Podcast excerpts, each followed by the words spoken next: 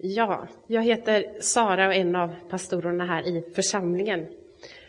Och jag vill bara säga innan jag börjar predikan att min röst låter kanske lite annorlunda. Och jag ska säga att jag har varit sjuk, men jag är frisk nu. Eh, så ni behöver inte känna er nervösa. Eh, men det har satt sig lite på stämbanden. Så jag ber och hoppas att rösten ska hålla eh, idag. Men som sagt, förra veckan så var jag sjuk och eh, jag hade förberett för vi skulle ha påskvandring och påskläger och jag såg verkligen fram emot det här. Och sen så blev det för mig, för mig att ställa in, andra fick, fick eh, vara med. Men jag fick ställa in och stanna hemma och ligga däckad i sängen. Och det kändes så tråkigt och eh, ja, men den här tomhetskänslan när man har byggt upp förväntan och så blir det inte. Eh,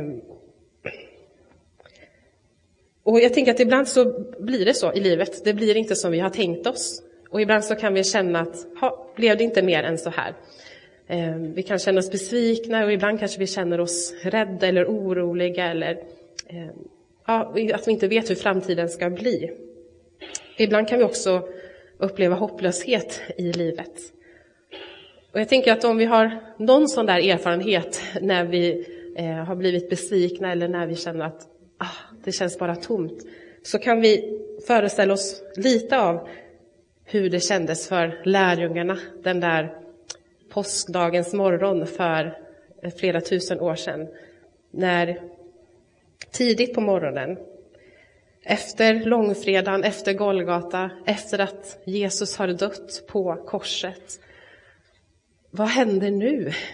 Jesus dog. De hade lämnat allt för att följa honom. De väntade på att han skulle eh, utbreda och eh, sitt rike, att han, han var kungen, han var Messias som de hade väntat på. Och så dog han. Och allting, alla deras drömmar verkade som att de hade gått i kras. Jesus har dött och nu har det gått, sabbaten har gått, det har gått några dagar och det kanske har börjat sjunka in att vänta, det här har hänt på riktigt. Och jag tänker att de kanske går där som i en dimma och de går till graven för att smörja sin, sin herres eh, döda kropp. Men sen så hände någonting som förändrade deras liv och som förändrade, förvandlade hela livs, eh, världshistorien för evigt. Och vi ska få läsa i Matteus evangeliet kapitel 28. Eh, och Carolina kommer att läsa för oss. Innan vi läser texten så vill jag be. Jesus, tack för att vi får fira din uppståndelse idag. Tack för att du lever och jag ber att du ska göra ditt ord levande för oss, att du ska tala till våra hjärtan och att samma kraft som verkade i din uppståndelse ska verka genom ditt ord idag. Och jag ber också att eh, du ger kraft till min svaga röst idag, Gud, och låt det som du vill säga komma, komma fram. Eh, tala till oss idag. Vi vill lyssna till ditt ord. I Jesu namn. Amen.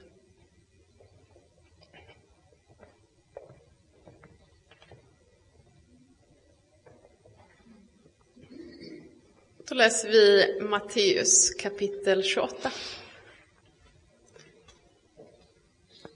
Efter sabbaten i gryningen den första veckodagen gick Maria Magdalena och den andra Maria för att se på graven. Då blev det en kraftig jordbävning, för en Herrens ängel kom ner från himlen. Han gick fram och rullade bort stenen och satte sig på den. Hans gestalt var som blixten och hans kläder var vita som snö. Vakterna skakade av skräck för honom och blev som döda. Men ängeln sa till kvinnorna, var inte rädda. Jag vet att ni söker Jesus, den korsfäste. Han är inte här. Han har uppstått, som han har sagt. Kom och se platsen där han låg och gå genast och säg till hans lärjungar att han har uppstått från de döda. Se, han går före er till Galileen. Där ska ni få se honom. Nu har jag sagt er det. Då skyndade de genast iväg från graven med bävan och stor glädje sprang de för att berätta det för hans lärjungar. Plötsligt mötte Jesus dem och hälsade dem. De kom fram och höll om hans fötter och tillbad honom. Då sa Jesus till dem, var inte rädda. Gå och säg till mina bröder att de ska gå till Galileen. Där ska de få se mig. Medan de var på väg kom några ur vaktstyrkan in i staden och berättade för översteprästerna om allt som hade hänt. Dessa samlades med de äldste och beslöt att ge soldaterna en stor summa pengar och sa Säg så här, hans lärjungar kom på natten och rövade bort honom medan vi sov. Och om ståthållaren får höra det så ska vi tala med honom och se till att ni inte behöver oroa er. De tog emot pengarna och gjorde som de blev tillsagda och detta rykte är spritt bland judarna än idag. De elva lärjungarna gick till Galileen, till det berg dit Jesus hade befallt dem att gå. När de fick se honom tillbad de honom, men några tvivlade. Då trädde Jesus fram och talade till dem och sa Åt mig har getts all makt i himmelen och på jorden. Gå därför ut och gör alla folk till lärjungar. Döp dem i Faderns och Sonens och den heliga Andens namn och lär dem att hålla allt som jag befallt er. Och se, jag är med er alla dagar till tidens slut.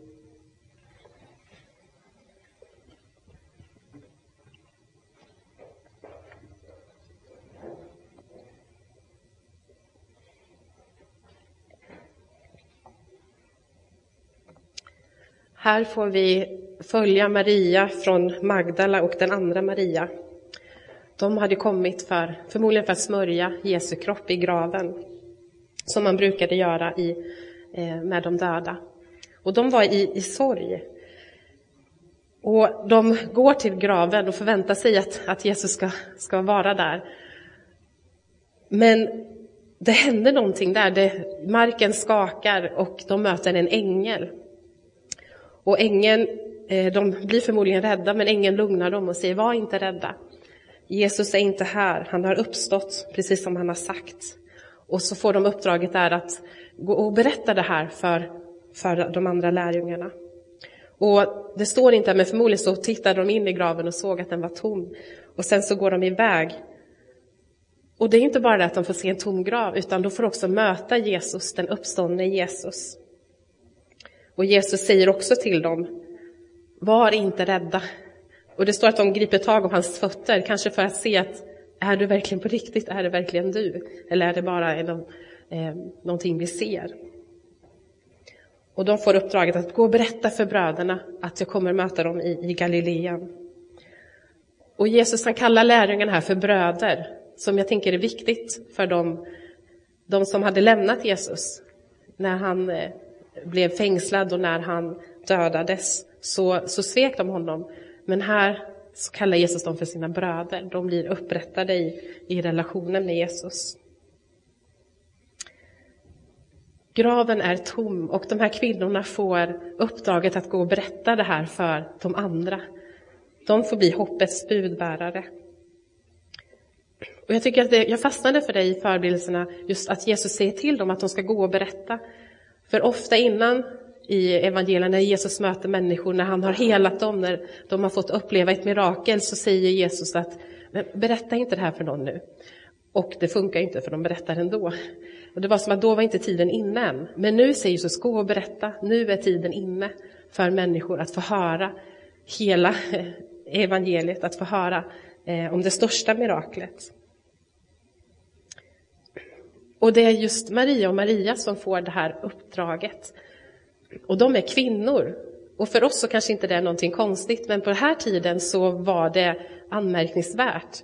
Kvinnor ansågs inte som eh, godkända vittnen i den här kulturen. Men det är de som får vittna uppståndelsen. Och de får också uppdraget att gå och berätta de glada nyheterna, att få vara de första predikanterna om uppståndelsen. Och redan här så, så visar det sig att ja, men det budskapet Jesus har är annorlunda. att alla får vara med. Och vilket hopp de får komma med. Vilka fantastiska nyheter. Jesus som var död, han lever nu. Och de har mött honom. Det är sant, han lever. Vi läste också att det fanns ett rykte som spreds när vakterna hade vaknat till efter att de hade svimmat av och gick till översteprästerna och berättade vad som hänt så blir de tillsagda att de ska ljuga om det och säga att det var lärjungarna som hade tagit bort kroppen. Maria och Maria, de fick ju också se den tomma graven och de valde att, att tro att det var sant och de fick också möta Jesus. Och det här miraklet, uppståndelsen, måste vara det absolut största miraklet, att någon börjar leva igen efter att ha varit död. Och för översteprästerna, när de får höra om det, de, de väljer att inte tro. Men även om man får höra nyheter så är det inte säkert att, att man tar till sig det i tro. De valde att, att inte tro på det och att eh, hitta på en lögn för att dölja det. Men Maria och Maria, de hade en relation till Jesus och de mötte Jesus och de valde att tro på honom. Och det här är på riktigt, att Jesus lever, att graven var tom och de fick möta honom. Och för dem så var det nog inte så lätt att, att verkligen ta till sig det här, att tro på det. Det var inte så att det var vanligt att döda uppstod. Ehm, och i deras tro så hade man nog inte det som en, eh, någonting som, skulle, som Gud brukade göra eller som skulle kunna hända. Kanske att en del trodde på att vid tidens slut att det skulle finnas en gemensam uppståndelse för, för en, en ja, gemensam uppståndelse, men inte att en person skulle uppstå från de döda. Jesus hade tidigare uppväckt Lazarus från de döda. Men det var ju Jesus som, som gjorde det och Lazarus, han fick livet tillbaka, men han dog ju sen också. Men Jesu uppståndelse är annorlunda, för han skulle aldrig mer dö. Och det var nog svårt ursäkta, för en del att verkligen ta in det här. Vi läs, fortsätter läsa sen att när Jesus möter dem och när han eh, ger dem det här uppdraget att gå ut och berätta eh, och göra andra människor till lärjungar så står det att några föll ner, liksom, några tillbad och hyllade honom, men några tvivlade. Att även då när Jesus stod där framför dem så var det några som tvivlade. Och jag tycker att det är uppmuntrande att läsa att även då så fanns det de som tvivlade, men de fick också vara med. Och jag tänker att det är samma för oss idag, att ibland har vi stunder när vi tvivlar. Men det är okej, okay. vi får vara med. Eh, med Jesus ändå, han ger uppdraget till oss också, även när, vi, när våran tro kanske vacklar. Men oavsett om vi tvivlar eller inte, så står det fast att Jesus har uppstått. Att graven var tom. Och under påsken så besegrar Jesus döden och ondskan när han uppstår från de döda. Och han säger att han ska komma tillbaka precis som han lämnade oss. Och det här måste världen få veta. Och det är det här som är budskapet på påskdagen, det är där vi firar idag. Och vad innebär det för oss att det här har hänt på riktigt? Vad innebär Jesu uppståndelse för oss? Jag vill läsa några bibelord som talar om uppståndelsen i Nya Testamentet när Paulus och andra försöker att förstå, men vad, vad, vad betyder det här för oss? Det här förändrade hela världen. Jag börjar läsa från första Korinthierbrevet 15, vers 14. När Paulus utfrågar, ja men om uppståndelsen inte har hänt, vad innebär det? Jo, men om Kristus inte har uppstått, då är vår förkunnelse tom, och tom är också er tro. Det är väldigt hårda ord. Att uppståndelsen, det fanns en del som, hade tvi, som tvivlade på uppståndelsen. Men om den inte har, har skett, då är vår tro tom. Jesus han förutsade sin egen uppståndelse, som ängeln sa här, att han uppstått precis som han har sagt. Att Jesus sa att han skulle dö och att han skulle uppstå från de döda. Och om det nu inte hände, ja men då var han ju en lögnare. Och om inte Jesus lever, då, då är vår tro tom. Jesu död och Jesu uppståndelse är grunden för vår kristna tro. Det är det som vi bygger, det är där som, som vi bygger vår tro på, det är där hela kyrkan börjar, tack vare Jesu uppståndelse. Och jag tror att det är viktigt för oss att, att ha det levande för oss. Att våga tro att eh, Jesus har uppstått och att han regerar och att det är sant på riktigt. Och därför kan vi frimodigt sätta vår tro till honom. Och vi, jag vill läsa från eh, vers 20 också i samma kapitel. Och då säger Paulus, men nu har Kristus uppstått från de döda som de första av de avlidna. Jag vill också läsa från Romarbrevet 6 och 9. Vi vet ju att Kristus har uppväckts från de döda och inte mer ska dö. Döden är inte längre herre över honom. Kristus har uppstått som den första av de avlidna. Och döden är inte längre herre över honom. Tack vare att Jesus uppstod från de döda så besegrade han också döden, som är vår yttersta fiende som vi alla ska möta en dag. Och på korset så ser det ju ut, på långfredagen så ser det ut som att döden vann. Jesus dog. Nu var det ju slut. Men han låg inte kvar. Döden kunde inte hålla sitt grepp om honom. Utan han uppstod från de döda. Inte ens döden kunde hålla honom i, i sitt grepp.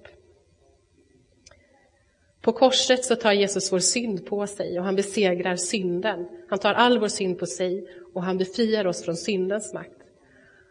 Och på påskdagen när han uppstår från de döda och går ut ur graven så besegrar han dödens makt. Jesus seger är total. Och vi läser från vers 54 och 57 i samma kapitel. Döden är uppslukad och segern är vunnen. Död, var är din seger? Död, var är din udd? Dödens udd är synden och synden har sin kraft i lagen. Gud var det tack som ger oss seger genom vår Herre Jesus Kristus. Jesus seger på korset och när han besegrar döden. Vi får också ta del av den segern i hans uppståndelse. Att det här ger oss eh, tro och hopp att vi också ska få uppstå. Att när Jesus, Jesus vinner seger över döden och synden så blir det också våran seger. Och jag vill läsa vers 21 och 23 också från första Korinthierbrevet 15. Där det står så här. Ty eftersom döden kom genom en människa kommer också uppståndelsen från de döda genom en människa. Liksom alla dör genom Adam så ska alla också få nytt liv genom Kristus. Men i tur och ordning, först Kristus och därefter vid hans ankomst de som tillhör honom.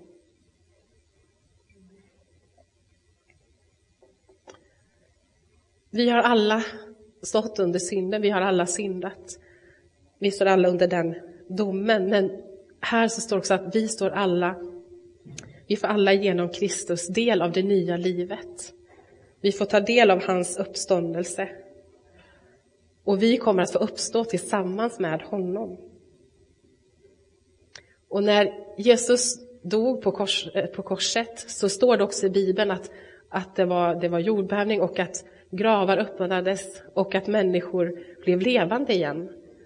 Och det visar på något sätt det här sambandet mellan Jesus seger och vår seger, Jesu uppståndelse och vår uppståndelse, att det som, som händer på Golgata och det som händer när Jesus kliver ut ur graven, den segern, det får konsekvenser för oss och ger oss hopp om att vi ska uppstå en dag. Att det ger hopp för oss att döden är inte vår fiende längre. Vi kommer dö, men döden har inte sista ordet i våra liv heller. Utan en dag så kommer vi att få uppstå tillsammans med Jesus. Och det här är evangeliet, det här är de glada nyheterna. Och ibland så tänker jag att vi, vi har hört det så mycket så att det kanske inte låter så märkvärdigt längre i våra öron. Men i den här veckan så har jag stannat upp vid det. Det är ju helt otroligt att det här är sant. Att vi ska få leva i evighet med Gud. Och tillbaka till den här bibelberättelsen som vi fick läsa när Maria och Maria får, får möta Jesus.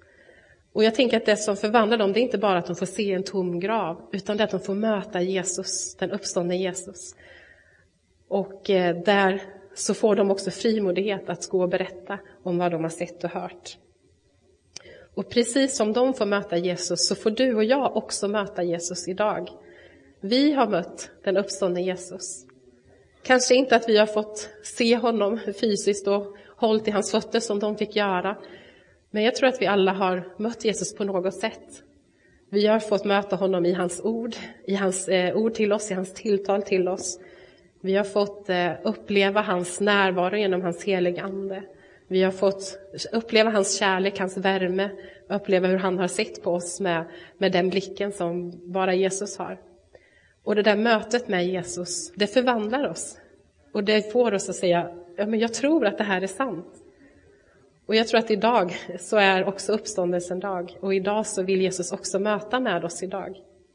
Att vi får ett möte med den uppståndne Jesus.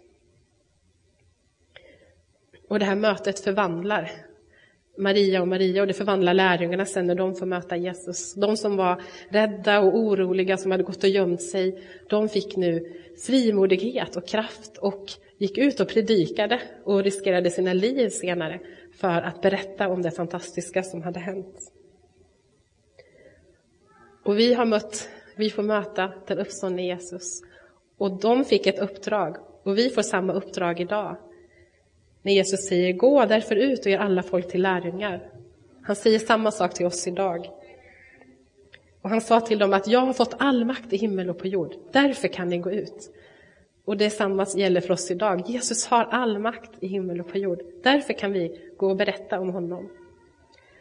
Och han lovar dem att jag är med er alla dagar till tidens slut. Och samma löfte står fast idag, att han är med oss.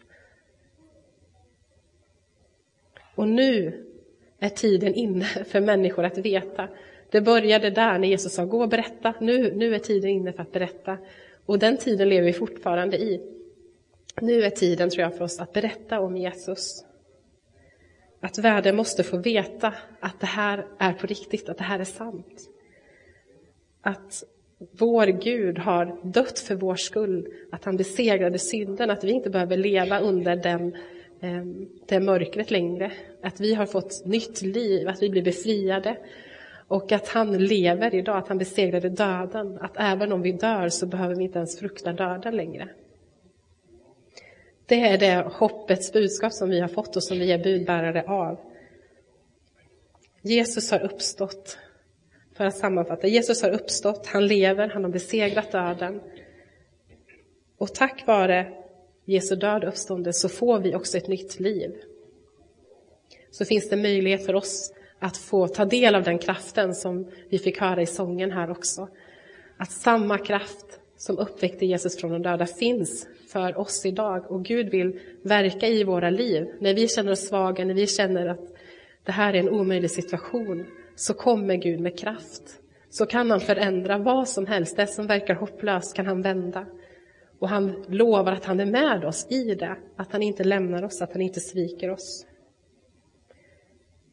Och vi kan alla få möta Jesus idag.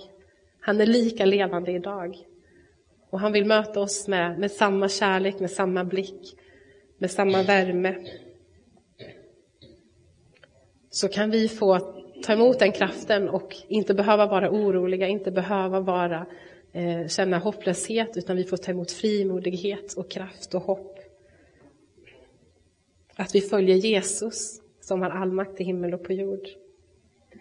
En allsmäktig Gud. Och att även om vi skulle dö så är inte det sista ordet. Så får vi ett evigt liv. Och vi får samma uppdrag. Gå ut och berätta det här.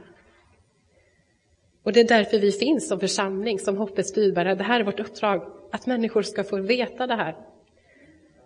Att Jesus lever, att han dog och uppstod för din och för min skull. Och när jag har förberett mig i predikan så har jag verkligen drabbats av det här att människor måste få veta det här.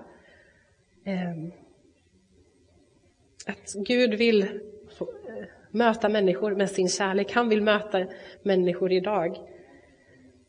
För att han älskar dem. Ehm, han älskar den här världen så mycket. Det var därför han genomled påsken. Det var därför han dog på Golgata. Det var därför han eh, lät sig bli piskad. Han behövde inte göra det, men han valde att göra det. för att han ville visa den här världen sin kärlek, för att världen skulle kunna bli försonad med honom. Och därför besegrade han också döden. Och jag har verkligen blivit drabbad av det att det finns människor idag som inte vet, som inte vet om det här, som inte vet att det var för deras skull, eh, som inte vet hur djupt älskade man är av universums skapare. Och jag har verkligen drabbats av den ja, men nöden på något sätt att oh, Jesus människor måste få veta det här. Ehm, och jag tror att det är, där, det är där Jesus vill använda oss. Att få berätta, precis som Maria och Maria, att jag, jag har fått möta Jesus, han är på riktigt. Och han mötte mig och han, han älskar dig också. För Jesus dog för vår skull, han uppstod för vår skull. För att vi skulle få liv. Och när Jesus säger till lärjungarna att jag har all makt, så säger han också samma sak till oss idag. Han har all makt, så vi behöver inte vara rädda. Och människor, världen måste få veta de glada nyheterna. Så jag tror att det finns en uppmuntran och en utmaning i evangeliet för oss idag. Att inte liksom hålla tillbaka med det eller inte vara eh, rädda för att dela med oss. Att vi behöver inte ha dåligt självförtroende i vår tro, utan vi kan frimodigt dela med oss av vad vi har sett och hört. För Jesus är världens räddare, han är den som den här världen längtar efter och behöver. Han är på riktigt svaret för vår värld. Och jag tror att om vi får frågor, kanske om vår tro eller om, om kyrkan, eller om någon frågar men vad du gjort i påsk, så kan vi vara frimodiga att dela med oss eh, om Jesus och vad han har gjort för oss och vem vi tror på. Och lita på att Jesus är med oss eh, och att hans heligande leder oss också i de stunderna. För att han har dött och han har uppstått för, för vår skull, för människor i den här världens skull. Och det här är de bästa nyheterna som finns och som vi är anledningen till att vi firar gudstjänst idag. Världen måste få veta, Jesus är uppstånden. Graven var tom, han är inte längre där. Han lever och han regerar. Låt oss be. Jesus Kristus, jag tackar dig för påskdagen. Tack för din uppståndelse, Jesus. Tack för att du besegrade döden. Tack för att ingenting kan stå emot dig, Jesus. Tack för att du lever idag. Och tack för att det här är sant på riktigt. Och tack för att du är allsmäktig, att ingenting är omöjligt för dig. Och du ser mina vänner som är här idag och du ser de situationer som vi är i just nu. Och, och tack för att du vill komma med kraft. Tack för att du vill komma med hopp. Tack för att du vill komma med nytt liv, Jesus. Tack för att du vill komma med din, dig själv, Jesus, med din närvaro. Och möt oss var och en, Jesus.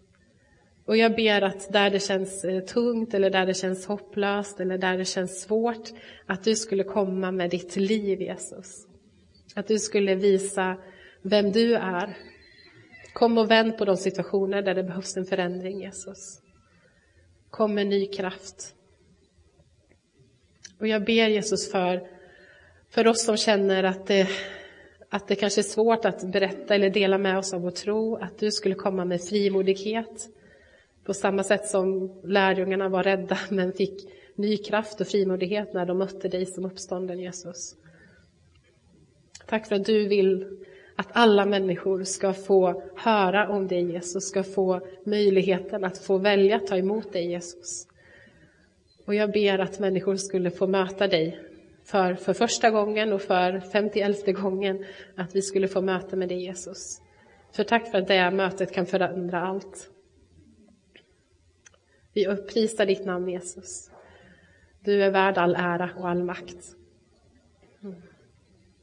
Ta, ta emot vår bön Jesus och möt oss där vi är. Och lyft vår blick att, att se dig. Det ber jag om i Jesu namn. Amen. Vi ska nu få fortsätta be och vara med Jesus. Och det finns möjlighet att tända ett ljus här vid ljusbäraren som en symbol för din bön. Du kan be att Jesus får komma med sitt ljus in i någon situation. Vi kommer också att göra det i lovsång tillsammans och, och sjunga till Jesus. Det finns också möjlighet att ta emot förbön. Ulla-Britt sitter här nere vid förbönsplatsen och vill gärna be med dig. Och jag sitter här framme. Och kom till förbönen om du känner att du, att du behöver den där kraften från Jesus. Så vill han komma med den idag och vi vill gärna vara med och be för det. Och om du känner att jag skulle vilja ha frimodighet att, att också få komma med hoppets budskap till människor eh, och jag vill få förbön i det så ber vi gärna för dig. Eller om det är någonting annat, vad det än är. Om det är kroppsliga bekymmer eller annat som du vill ha förbön för, så var frimodiga. Jesus lever och han vill möta dig idag. Vi lovsjunger och ber.